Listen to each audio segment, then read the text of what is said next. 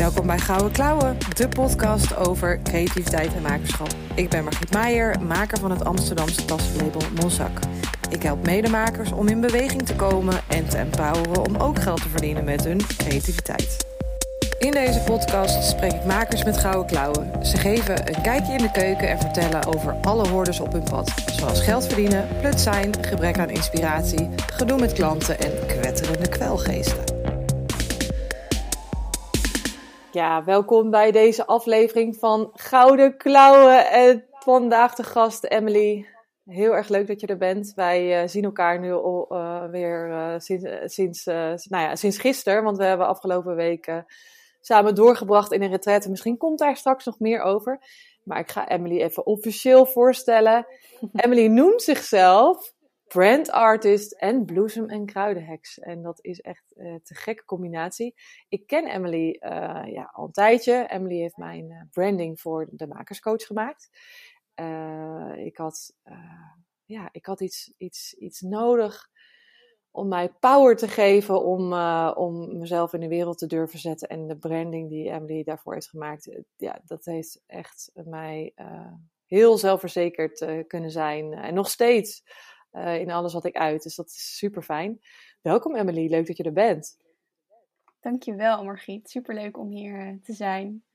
Heel, um, heel welkom. Ben je, wel eens, ben je wel eens eerder in een podcast geweest? Ja, ja ik heb ah. ook een tijdje terug uh, mijn eigen podcast gehad. Yes, dus je hebt, je hebt er gewoon ervaring mee. Dus nu, maar nu zit je aan de andere kant ja. van, de, van, de, van de microfoon. Ja, vond ook wel lekker. ja. ja, inderdaad. Wat je al, ik zie Emily al een beetje achteroverleunen. Dat is dat mag mhm. gewoon uh, in, in, de, in deze podcast. Nou, het, we, we gaan uh, lekker kletsen over al het moois wat jij in deze wereld uh, te zetten hebt. Kun jij um, mij even meenemen en de luisteraar? Um, weet je, dus de, de, een klein beetje je carrièrepad. We gaan later, ben ik nog heel erg nieuwsgierig over creativiteit bij jou thuis vroeger. Mm -hmm. Maar kan je een beetje vertellen hoe je, hoe je qua werk bent gekomen waar je nu bent? Zeker, dat, uh, dat kan ik. Um, ja, het is altijd leuk als je er dan op terugkijkt, dat dan bepaalde stappen ineens zo logisch zijn of zo. Of dat, het, dat je dan denkt, ah, dit was hiervoor. Um, maar ik ben begonnen eigenlijk al met ondernemen tijdens mijn studie. Ik heb uh, in Delft op de Technische Universiteit Industrial Design Engineering gestudeerd.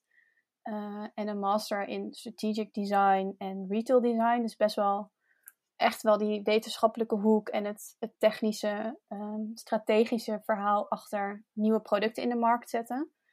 Um, en dat vond ik op zich wel boeiend, maar ik vond het niet zo interessant om te praten over nieuwe stofzuigers en nieuwe tosti-ijzers en weet ik wat allemaal. Ik wilde het gewoon hebben over merken en ik werd echt ontzettend getrokken naar ondernemerschap. Um, dus daar ben ik toen tijdens mijn studie langzaam mee begonnen. Uh, door een pop-up store op te zetten met een uh, medestudent. Uh, en daar eigenlijk ook de hele branding voor het ontwerpen, het interieur van de winkel. en we hebben toen drie maanden lang een chocoladewinkel gerund. En eigenlijk kwam ik er toen achter dat ik het veel leuker vond om het te maken. Dus echt na te denken over de verpakking, over het, het stickertje erop, over het logo en over het interieur. En toen die winkel eenmaal open was, dat ik dacht, ja, nou, nu ben ik er wel weer klaar mee. Um, dus ik voelde wel heel sterk dat ik iets wilde gaan doen met branding. Dus ik ben na mijn studie bij een brandingbureau gaan werken in Amsterdam. Uh, echt als merkstrateeg. Dus echt het voorstuk voordat grafisch ontwerpers uh, de vertaling gingen maken naar een, een huisstijl. Uh, daar heel veel geleerd. Um, ook als art director. Dus ik moest echt freelancers aansturen die grafisch ontwerp deden en soort van de visie voor, me voor, uh, voor ogen houden. Um, en ik ontdekte daar eigenlijk dat ik het ook heel erg leuk vond om me te bemoeien met echt het ontwerp zelf. En dat ik vrij snel een beeld krijg bij, uh, bij een klant wat voor energie er om iemand heen hangt. En tot toen der tijd had ik dat helemaal nog niet zo benoemd hoor. Was ik echt nog wat meer in het strategische pad.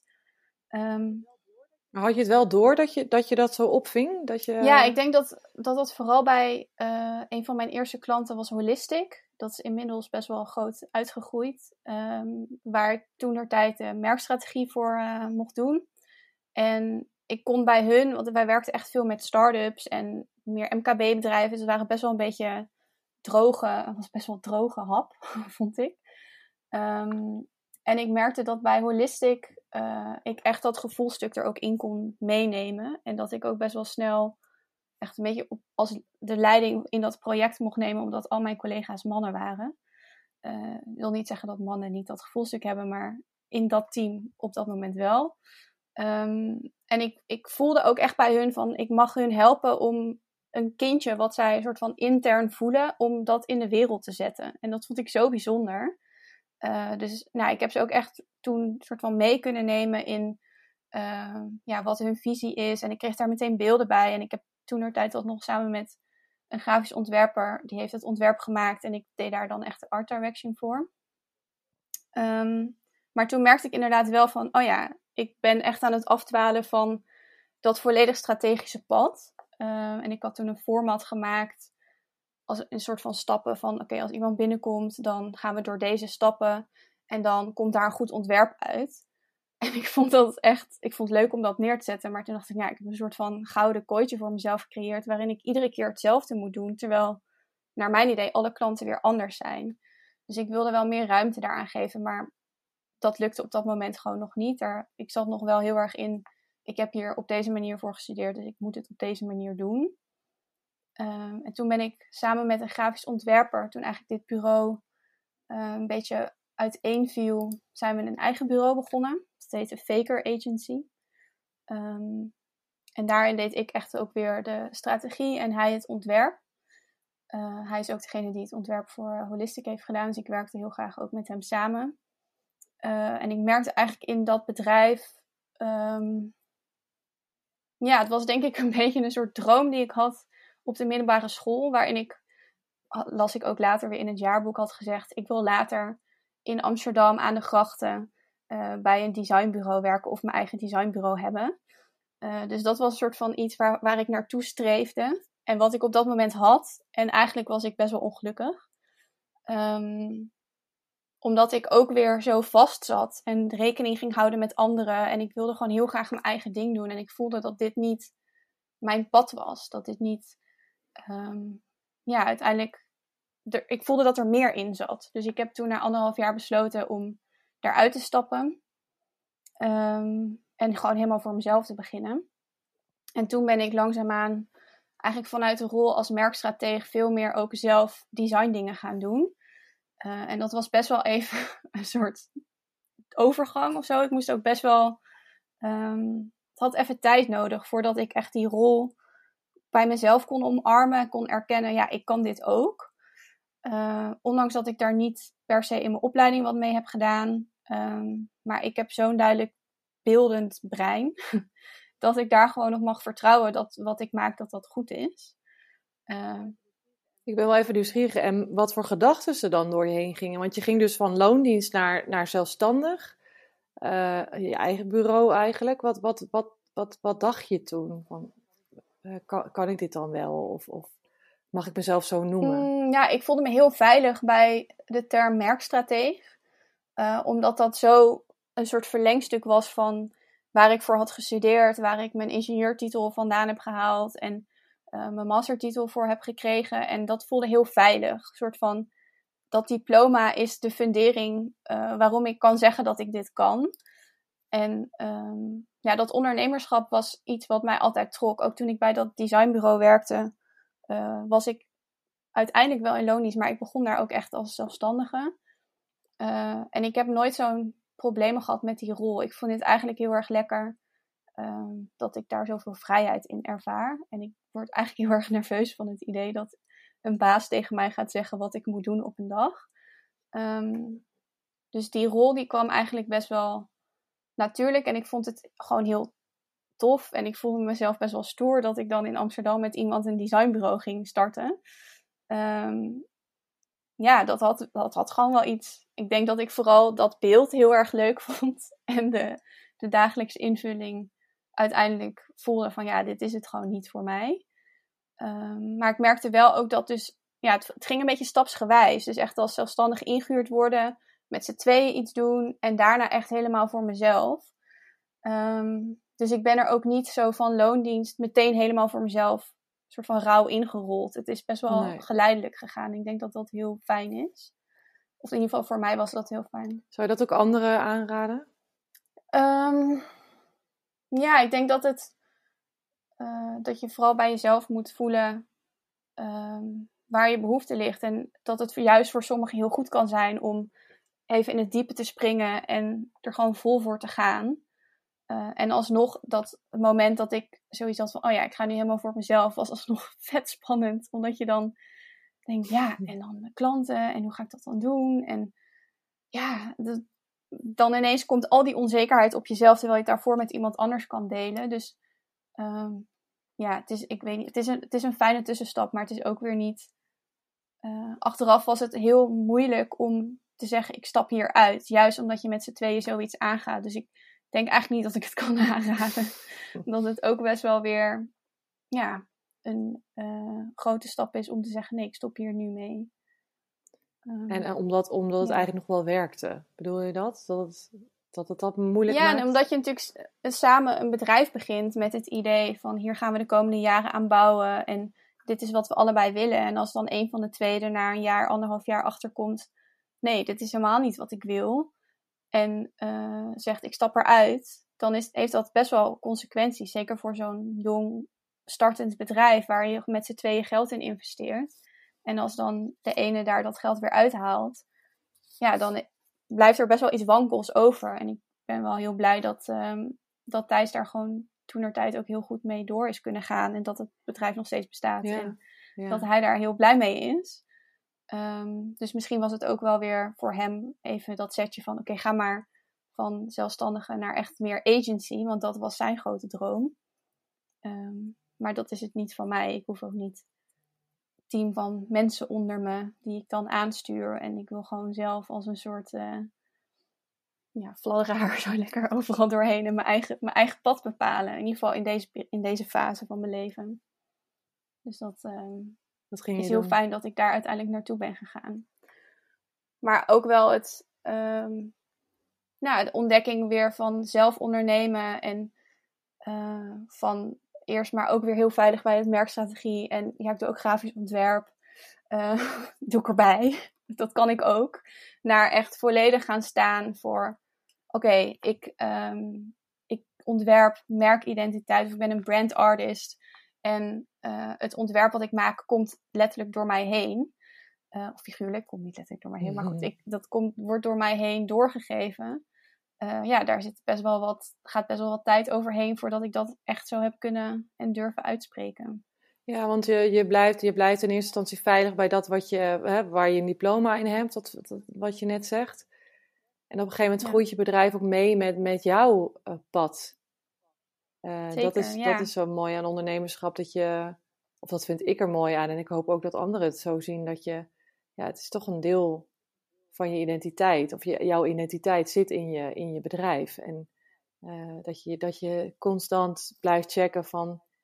Zit dat deel ook in, in hoe ik mijn bedrijf run en hoe ik mijn klanten vind en aanspreek? En dat het in alles doorcijpelt. Maar dat, ja, dat heeft wel wat tijd nodig. Uh, bij jou ja, het is eigenlijk echt een soort, soort speelveld van persoonlijke ontwikkeling. En uh, ja, volgens mij was dat voor jou toen ook met zak kan je een heel groot deel van jezelf kwijt, maar voelde er ook dat een deel op een andere manier tot uiting mocht gaan komen. En was daar de makerscoach uit ontstaan. Of is daar de makerscoach uit ontstaan. En het is mooi dat je dan ook als ondernemer ziet van...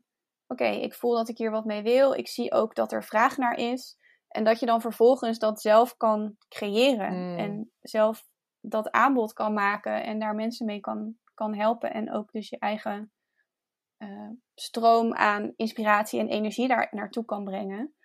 Dat vind ik zo vet daaraan. Dat het eigenlijk een, een oneindige stroom van mogelijkheden is waar je naartoe kan bewegen en waarin je zelf iedere keer kan voelen: ja, wat wil, wat wil ik? Wat wil er überhaupt? Uh, en hoe kan ik daar handen en voeten aan geven als, uh, als bedrijf? Ja, ja, eerst als mens en dan, als bedrijf. Ja, ja ik, ik vind het nog wel een last. Uh, ik merk dus dat ik het wel een uitdaging vind om makers um, uh, ja, te, te, te inspireren met mijn persoonlijke ontwikkeling.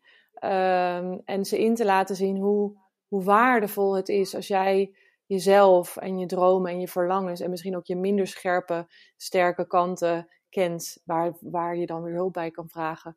Um, dat het zo waardevol is om dat dan ook te integreren in je bedrijf. Heb, je, heb jij een tip voor mij mm. hoe ik, dat, hoe ik makers daarvan uh, van, van kan overtuigen hoe belangrijk dat is? um, ja, ik weet niet of het per se een tip is, maar meer een soort van um, waarom het zo belangrijk is om het te doen.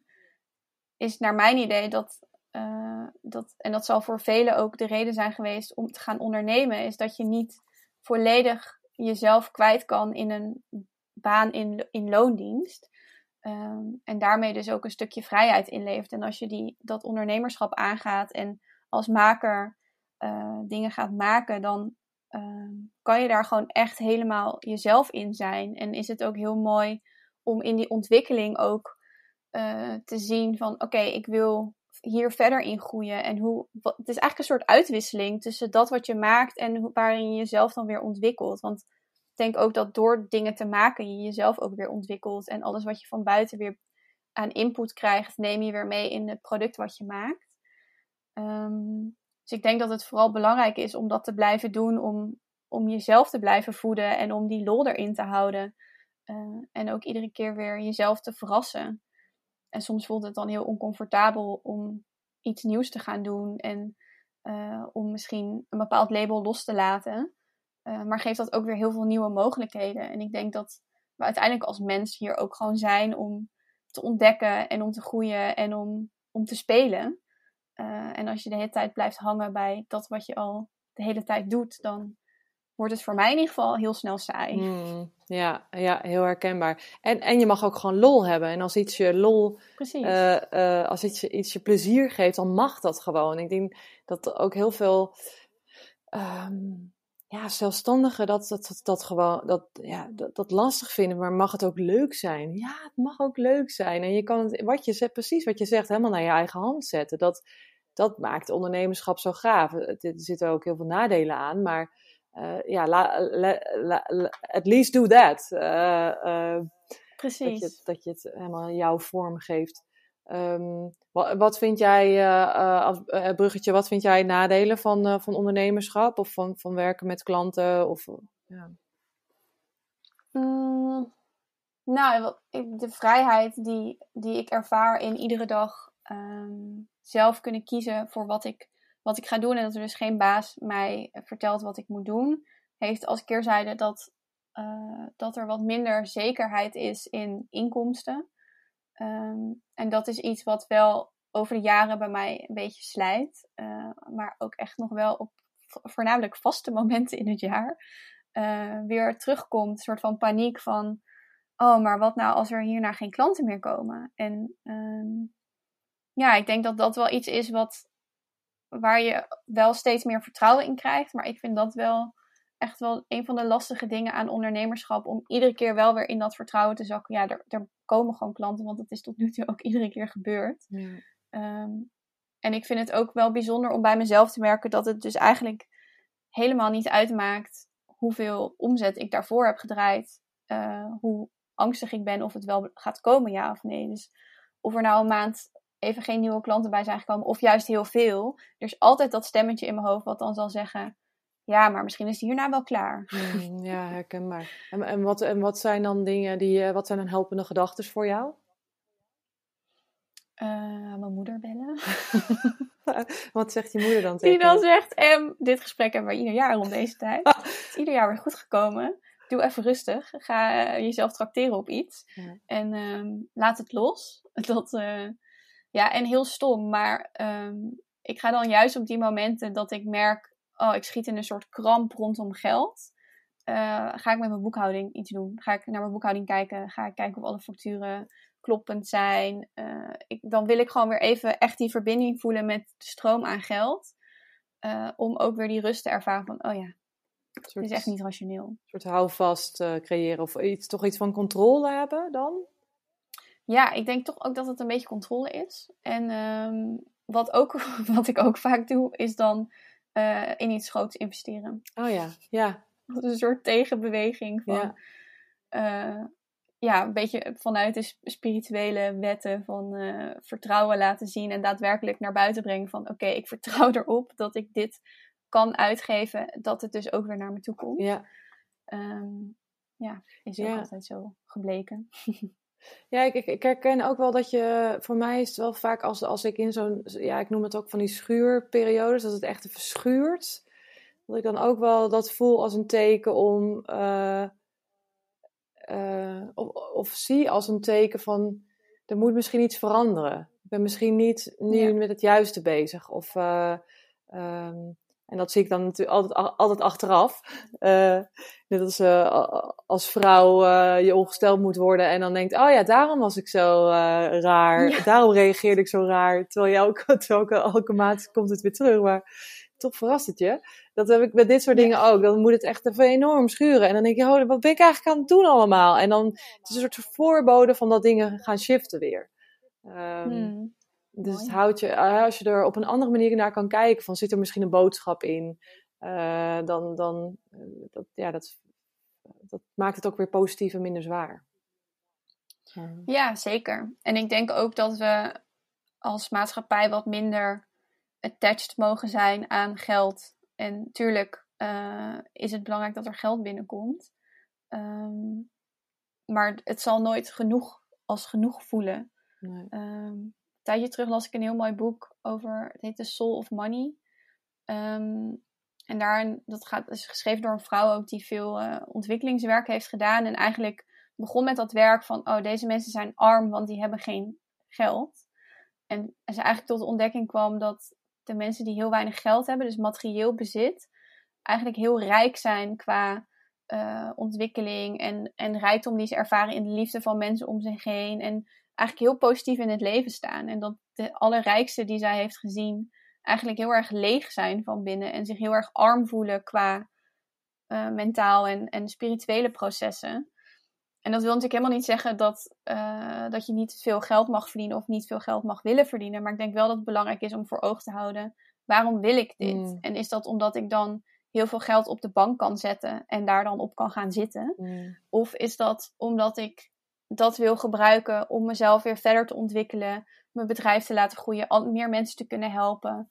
Ehm, dus dat, nou ja, haar boodschap is ook wel echt dat geld een continue stroom mag zijn. En dat je dus ook met het geld wat je hebt kan bepalen waar het naartoe beweegt. En dus ook waar vandaan het weer naar jou toe stroomt. ja. Eh, en dat als het stil blijft staan, dat het net als water gewoon gaat rotten. ja, mooi. Ehm, dus dat, het eigenlijk, dat je het veel meer als een soort flow mag zien en dat je erop mag vertrouwen dat dat wat je nodig hebt altijd naar je toe zal komen. ja. Ehm, en dat is soms veel makkelijker om in te, eh, in te geloven of om daarin te vertrouwen dan andere momenten. Ja. Maar dat is wel, ik vind dat wel een hele mooie manier om naar geld te kijken. ja. Dat, Ja. Het heeft zoiets verkrampt of zo soms. Terwijl ik denk, ja, het is ook maar gewoon iets wat we zelf als mensen hebben bedacht. Ja, dat is het. eh, Dat, het- het- het- toevallig dacht ik daaraan omdat ik nu iets ruil met iemand. Dat ik dacht, oh, hoe fijn zou het zijn als je gewoon meer kan ruilen met elkaar. Zo heb ik in het begin ook in mijn business ook eh, fotografie geruild voor een tas. Of eh, eh, ja, iemand die eh, een blog schreef voor een tas. Of dat je, dat voelt zoveel vrijer. Er zit in wat je zegt, er zit een, een verkramping op. Eh, maar ik vind het, ja, ik, ik zit dan nu ook te denken aan, soms spreek ik ook wel echt kunstenaars die, die, die meer van subsidies leven bijvoorbeeld. En, en ehm, dan wel heel graag geld willen verdienen met hun kunst, maar dat lukt dan niet. En soms denk ik dan ook, ja, weet je, als het geld niet naar je, naar je toe komt, dan is dat misschien ook een teken. Eh, Mhm. eh, ik voel wel vaak op, op de dingen die heel natuurlijk gaan en waarvan ik weet dat, dat ik er blij van word en dat ik er een ander blij mee kan maken, dat dan komt daar ook vaak wel makkelijker geld op binnen dan op dingen, projecten waar ik mee bezig ben, waar ik misschien zelf ook al over twijfel of onzeker over ben, dan, dan stroomt dat ook minder goed. Dus het is ook, zijn ook gewoon Ja. signalen.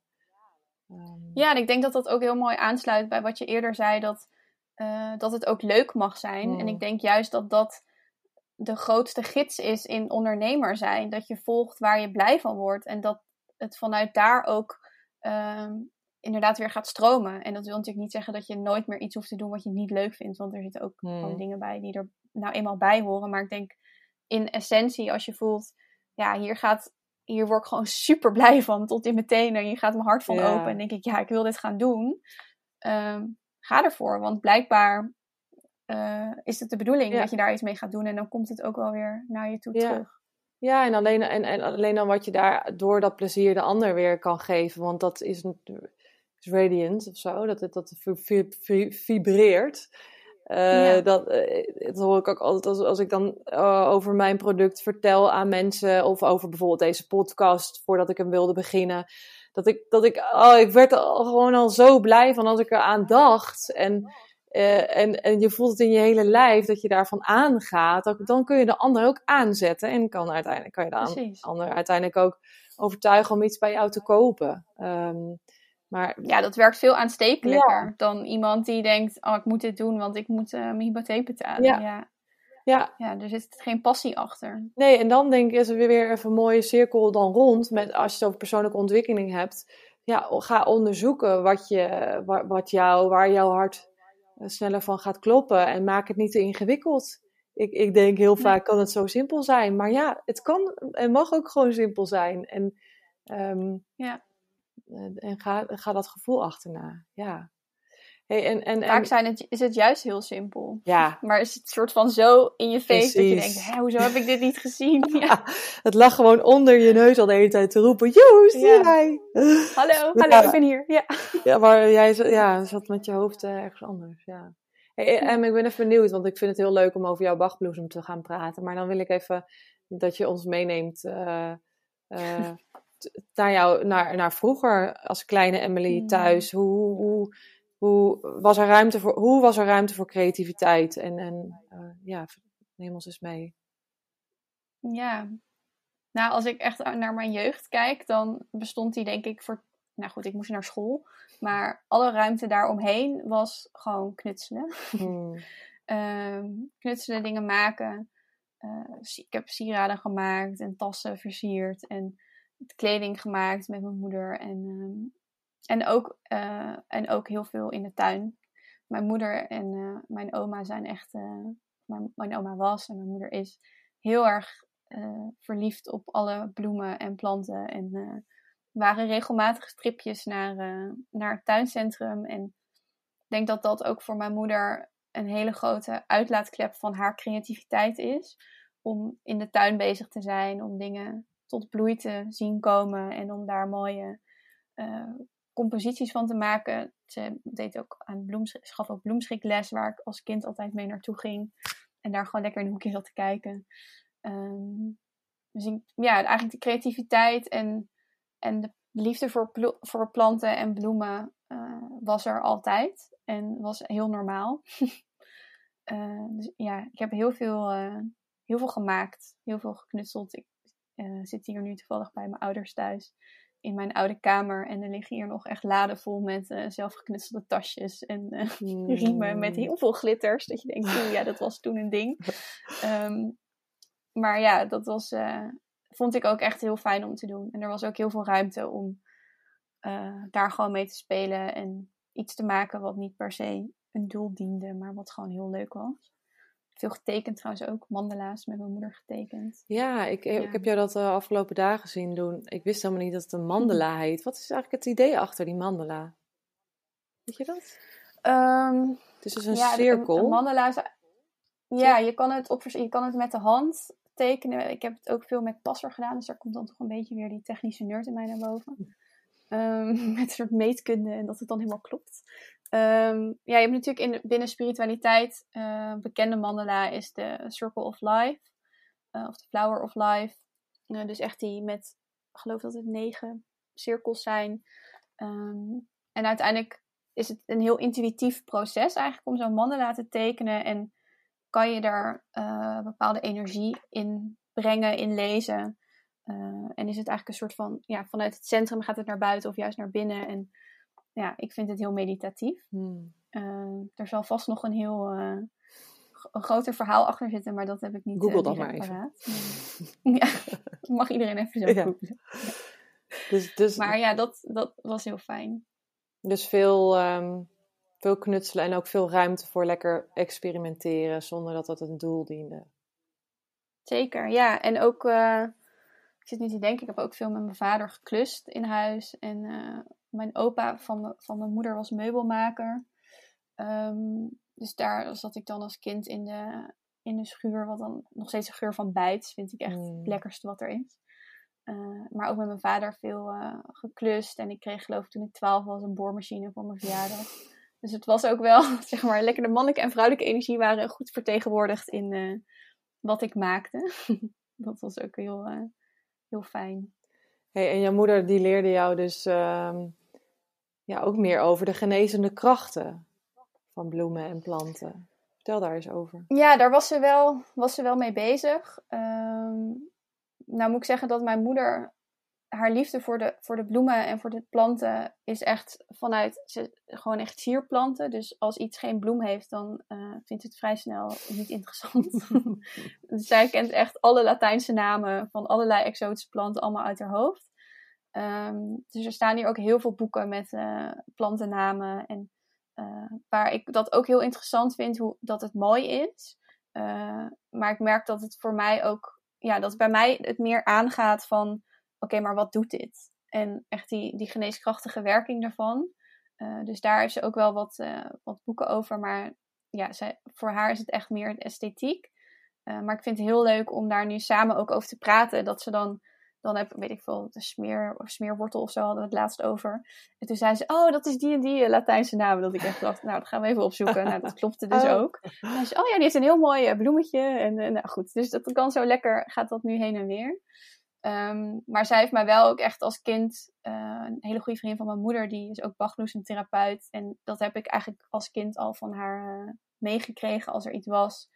Dan, uh, kreeg ik spierbaldruppels. Als je ergens last van had, dan kreeg je een natuurlijke genezing. Uh, uh, want kun je... Ja, ja.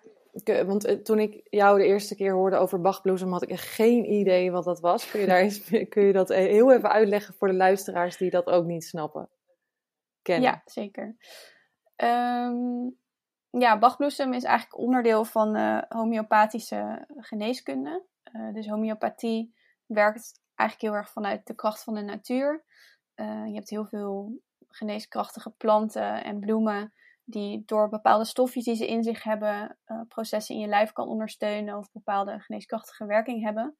Uh, soms ook giftig zijn, maar omdat in homeopathie eigenlijk alles in hele verdunde versie wordt gebruikt, is dat niet meer een probleem.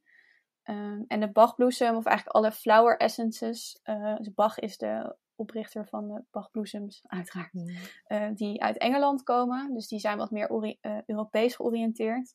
En die werken net weer even anders, omdat het uh, eigenlijk energetische geneesmiddelen zijn. Dus in het Engels heet het vibrational medicine.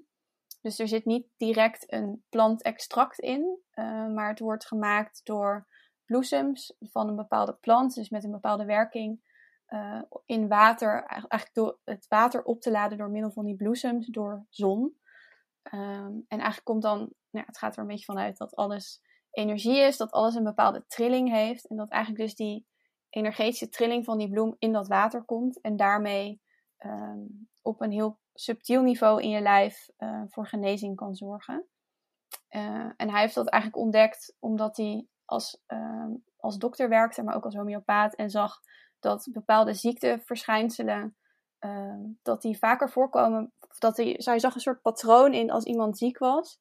Dat het een bepaalde gemoedstoestand, uh, dat die persoon een bepaalde gemoedstoestand had. En dat meerdere mensen die ook die ziekte hadden, diezelfde gemoedstoestand hadden al voordat ze ziek werden. En daar is een soort van dat zaadje geplant dat uh, bepaalde emoties, bepaalde nou ja, gemoedstoestanden dus kunnen zorgen voor uiteindelijk ziekte als uh, mm. uiting in je lijf. En dat je dat dus voor kan zijn door eigenlijk op die gemoedstoestanden te werken.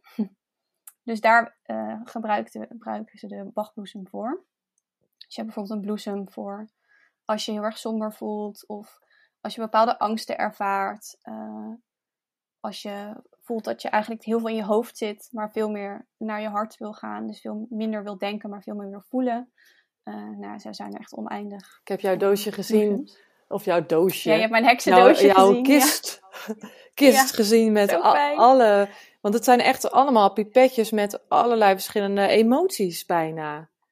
Ja. Dus Ja, zo kan je het eigenlijk zien. De Bach heeft er dan 38.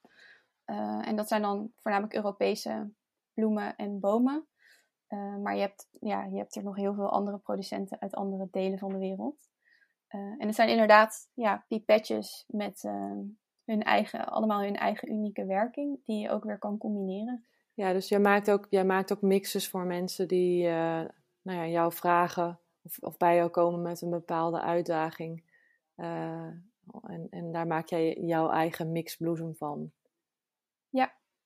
Ja, dan eh, pak ik mijn heksenkist erbij en kan ik lekker dingen maken. Maar ik vind het wel grappig, want, want jij, jij zegt, gebruikt nu het woord homeopathie. Dat voelt wel minder hekserig voor mij dan, dan, eh, dan, dat ik iemand boven een pan in een bos zie, eh, zie gaan. Het oude beeld wat we hebben van heksen, maar ja, he- Hmm. eigenlijk, eigenlijk eh, eh, ja, hoe moet ik dat zeggen? Het woord heks, hoe, hoe zou je dat in, in de moderne tijd eh, een invulling kunnen geven of uit kunnen leggen? Hoe is dat voor jou? Mm, ja, ik vond het wel mooi. Ik las laatst het nieuwste boek van eh, Suzanne Smit. Vette aanrader trouwens. Hmm. eh, De wijsheid van de heks. En daarin omschreef ze het. En toen dacht ik, ja, daar kan ik me echt wel heel erg bij aansluiten. Als, ehm, als dat heks zijn eigenlijk een soort ecofeminisme is met een mystiek randje. Ja, Ehm, en dat, dat dekt voor mij wel heel erg de lading. Dus dat, vroeger werden heksen eigenlijk, werd je als heks bestempeld als je een welbespraakte, eh, misschien een beetje brutale vrouw was. Of eigenlijk gewoon uitkwam voor je mening, maar ook een bepaalde genezende kracht had. Ehm, en ik geloof erin dat we die allemaal hebben. Ehm, maar die dus met de natuur werkte en die bepaalde kennis hadden van dus geneeskrachtige planten en bloemen. Uh, maar ook daarin een bepaalde ja, zelfstandigheid hadden als vrouw en niet per se afhankelijk waren van de man. Uh, en heel erg in verbinding staan met, met de aarde en wat de natuur ons allemaal brengt. Uh, en daar voel ik me wel heel erg. ja, ik voel me daar wel echt bij soort van tot toe aangesproken. Van ja, ik, zie mezelf wel als ecofeminist met een mystiek randje. Zeker weten, ja. En ik vind het heel erg stoer en knap uh, dat je dat steeds meer durft jezelf toe te eigenen en jezelf die titel durft te geven. Ik denk dat heel veel vrouwen het super spannend vinden om uit te komen voor hun kleuren, voor, voor dat wat ze eigenlijk zijn of voelen. Uh, en, en daar dat gewoon de wereld in te slingeren. En misschien komt dat ook wel doordat we belast zijn met het idee dat je als vrouw niet te hard moet schreeuwen of, of, of uh, niet, niet te veel van jezelf laat zien en dat je maar mee moet gaan met de stroom en, en, uh, uh, en, en ook niet te, te tussen haakjes egoïstisch moet zijn. het mag niet alleen maar over jou gaan, je hebt ook nog al die andere mensen om je heen te dienen.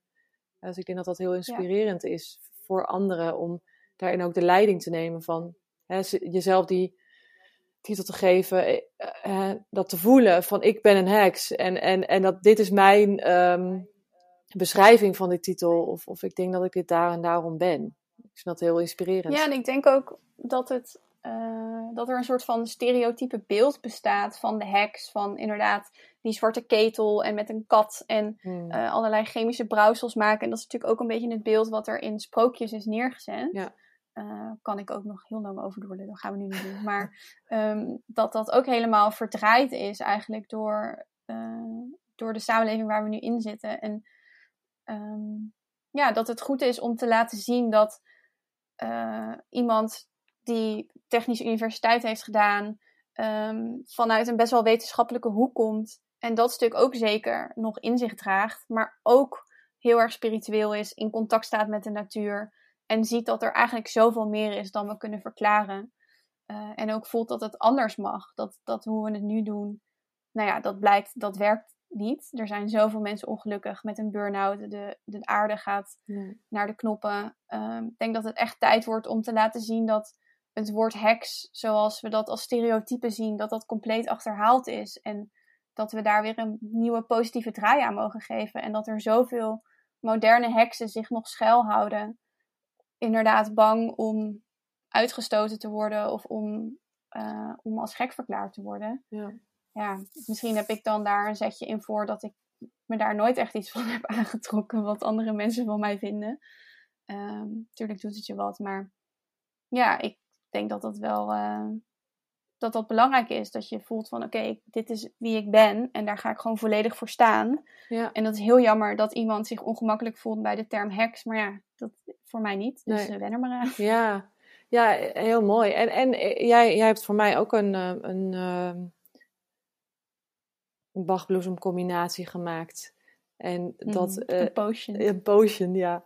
Eh, en ik ben, ja, ik ben daar net mee begonnen. Ik ben daar heel erg nieuwsgierig naar. Ook omdat het voor mij, ik, ik ben ook iemand die gewoon lekker gaat en, en eh, praktisch is en, en dingen kan bouwen en hou van beweging en mensen in beweging wil brengen. En, maar er zit ook een, een, een, een zachte kant in mij die, die, die, die ook gaat over jezelf durven laten zien. En ja, in alle kleuren en, en ook ehm, wat meer eh, mijn spirituele kant eh, zichtbaar eh, maken. En, en, dus de- ik ben heel erg benieuwd hoe jouw bloesem mij daarin gaat ondersteunen. Ik weet zeker dat het. Dat het, het is alleen al zo'n moment voor jezelf nemen en dat. ja, daar ruimte voor maken. Ik denk dat dat alleen al heel erg kan helpen. Ehm, en wat ik dan wel weer heel erg leuk vind eraan is als jij iets bedenkt, dat je daar dan ook gelijk weer iets heel, heel tastbaars en aards omheen maakt. Dat vind ik zo tof. Dus het is, er is een vette site, goed logo, eh, verpakking. eh, het is ook weer allemaal heel erg praktisch. En denk jij ook zo, hè, als je creatief bent, dat je ook denkt in hoe, uit ik, hoe maak ik daar een vorm die ik, eh, waarmee ik het kan uiten naar buiten?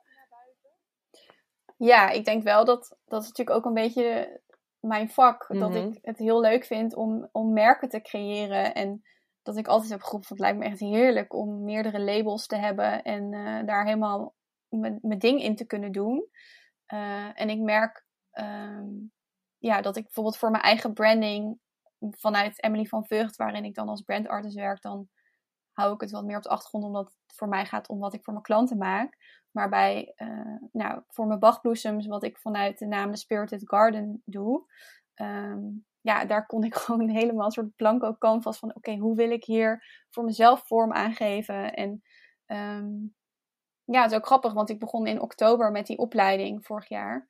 En eh, ook helemaal niet nog met een idee van, oké, dan ga ik dit ermee doen. Of zo van, ik wil dit doen. Ik zit al vier avonden op rij naar deze opleiding te kijken. Ik ga me nu gewoon inschrijven en ik kijk wel waar het me brengt.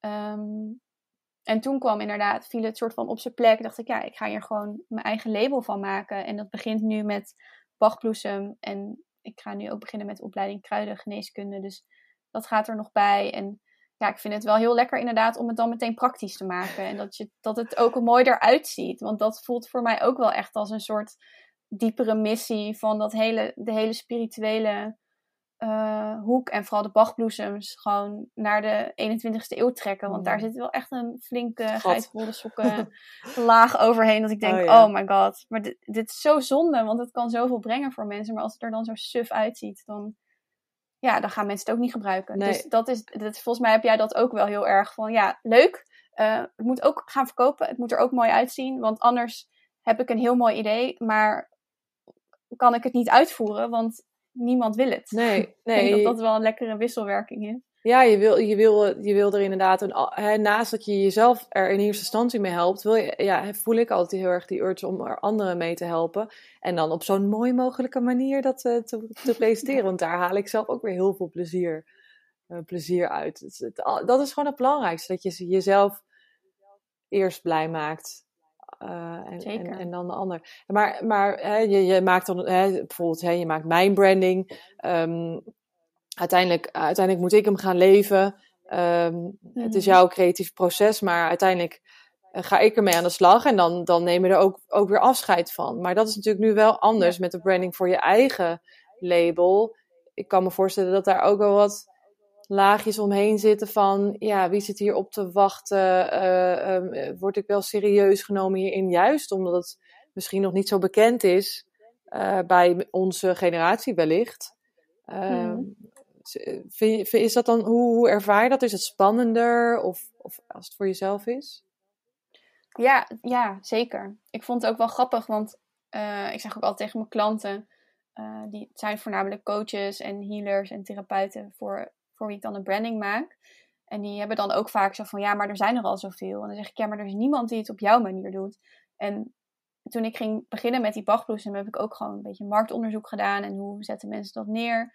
En eigenlijk alles wat ik vond, vond ik lelijk en ouderwets. En totdat ik één ander ding tegenkwam, die ook zoiets had van, ik ga dit mooier maken. En uh, ook combineren met essentiële oliën. En toen dacht ik, oeh, het is er al. Hmm. Moet ik dit dan nog wel gaan doen? En toen dacht ik, ja, maar zij doet het op haar manier en ik ga dit op mijn manier doen. Dus misschien moet ik mijn eigen advies ter harte nemen, maar dat is dan toch lastig. Die blinde vlek waar je dan even in, uh, in zat.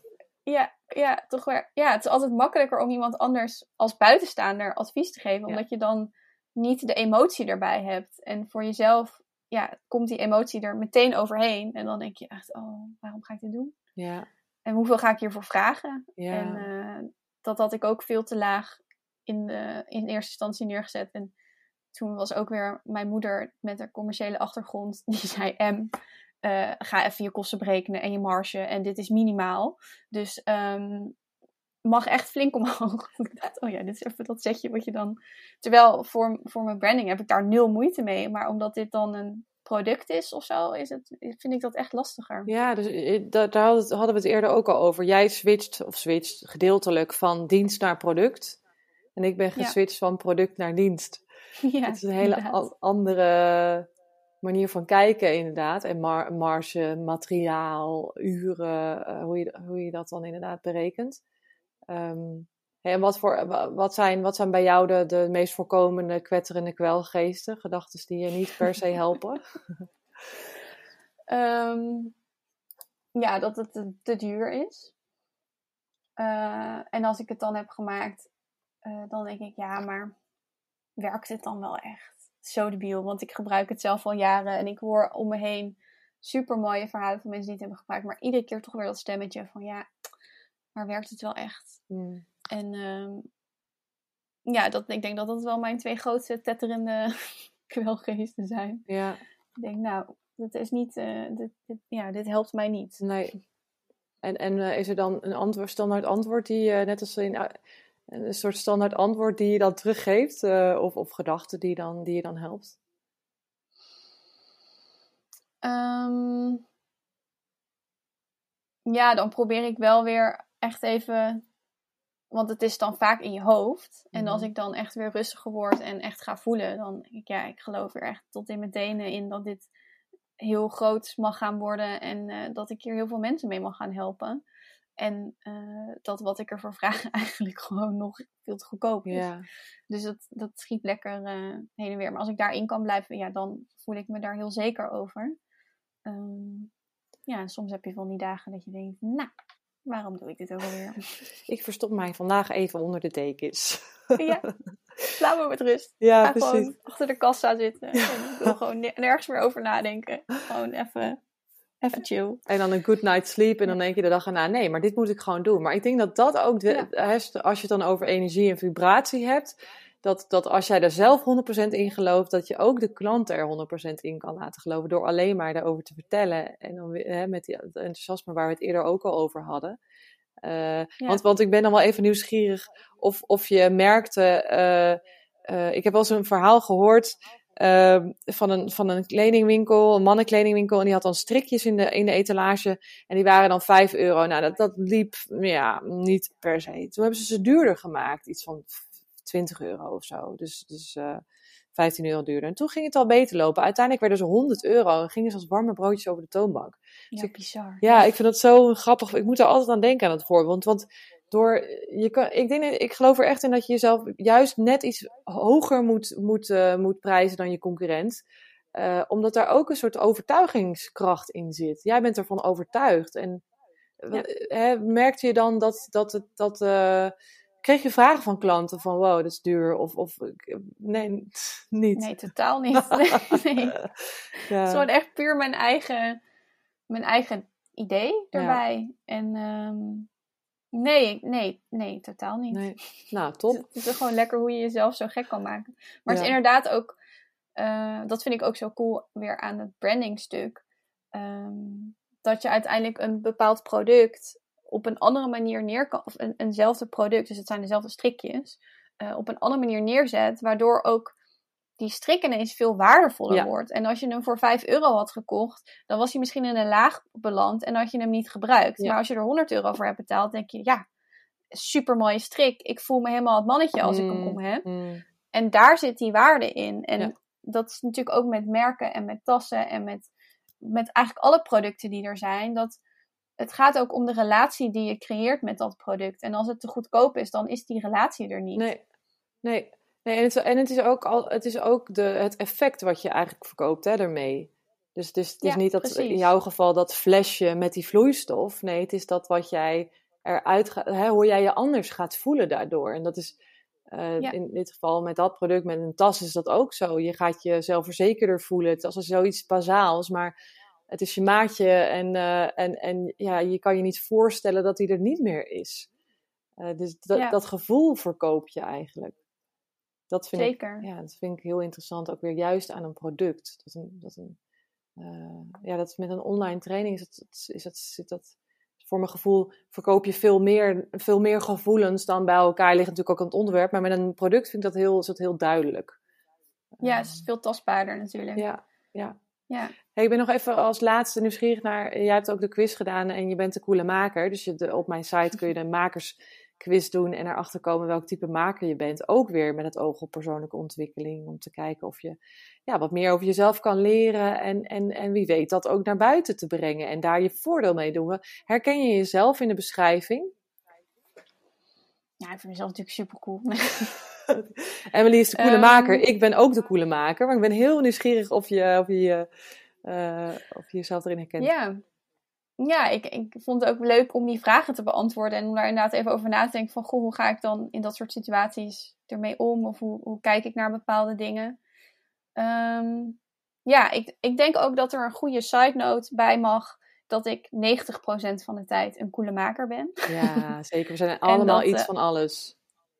Ja, en dat, dat soms ik wat minder cool ben onder dingen. En uh, ja, dat, maar dat het overgrote deel um, ik denk ook wel dat dat met de jaren is gegroeid. Dat ik steeds meer vertrouwen heb gekregen in dat wat ik kan. En bijvoorbeeld ook in hoe ik nu mijn merken creëer. Um, dan voorheen, bijvoorbeeld in mijn branding, um, maakte ik drie versies. Zodat iemand echt, uh, dat de klant echt kon kiezen van waar voel je je het beste bij.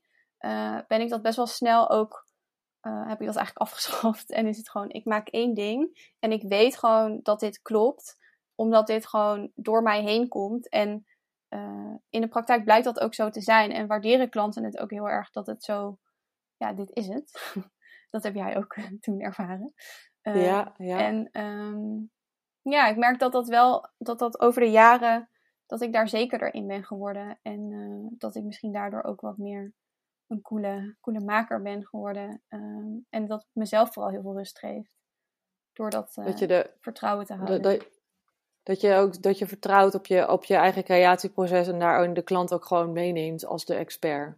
Ja, en ik, ik merk dat het type klant wat ik heb dat heel erg kan waarderen. En ik kan me ook voorstellen dat in een andere makershoek er misschien een andere behoefte is bij de doelgroep. Uh, maar voor mijn, uh, voor mijn klanten en ook voor de Spirited Garden werkt het gewoon heel goed als ik zelf ook heel stabiel ben en zeg: ja, dit is het en dit werkt. Uh, en ik heb er gewoon alle vertrouwen in dat het dat gaat doen. Hmm. Mooi. Ja.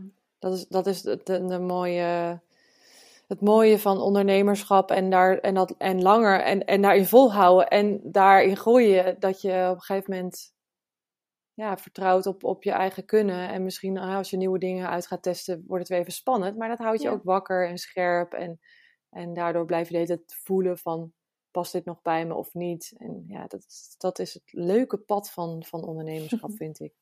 Ja, en dat je dan ehm, ook weer realiseert van, oh ja, zo voelde ik me eerst ook over dit. Maar dat is nu ineens heel natuurlijk voor me geworden. Want dat, daar kunnen we ook zo lekker aan voorbij vliegen. Dat je dan ineens denkt, oh ja, dat vond ik toen spannend. En nu echt totaal niet meer. Nee, en dat je dat ook vergeet. Ja. Want vanaf wanneer vind je dat eigenlijk niet meer spannend? Ja, precies. Dus waar, waar is die overslag gekomen? Ja. ja, ja, ik vind dat ook al. Ik vind dat in uh, na. Ik, ik denk nu heel veel na over hoe heb ik dingen eigenlijk gedaan. Ik heb dat helemaal niet zo bewust gedaan. Ik ben heel erg mijn gevoel achterna gegaan. Maar omdat ik nu andere mensen help om, om um, ook een merk te bouwen en een product te verkopen, moet ik soms echt even schakelijk van. Maar, maar hoe heb ik mezelf dat eigenlijk aangeleerd? Of, of wat weet ik eigenlijk allemaal al? Dus, dus zo met terugwerkende kracht je proces ook uh, doorlopen en waarderen van, van wat, kun je, wat, wat kan je eigenlijk allemaal al. Ik denk dat we als mensen altijd, on, altijd of in ieder geval snel ontevreden zijn, terwijl er al zoveel in je zit. En dat, dat, ja, en dat uh, het alweer verder willen kijken, terwijl je al zo'n mooie weg hebt afgelegd. Ja, ja, precies. Ja, en ik zou uren kunnen praten met je. Ik heb volgens mij voor mijn gevoel de helft van wat ik, wat ik, waar ik het over wilde hebben nog helemaal niet gedaan. Maar oh, ik, ja, uh, we moeten afronden. Um, super bedankt dat je uh, jouw verhaal wilde delen met ons. Hopelijk uh, ben je als luisteraar geïnspireerd. Hm. Je kunt M opzoeken. Check de show notes voor al haar informatie. En ik hoop je hier volgende week weer terug te zien. Fijne dag. Dank je, M. gedaan. Leuk om hier te zijn.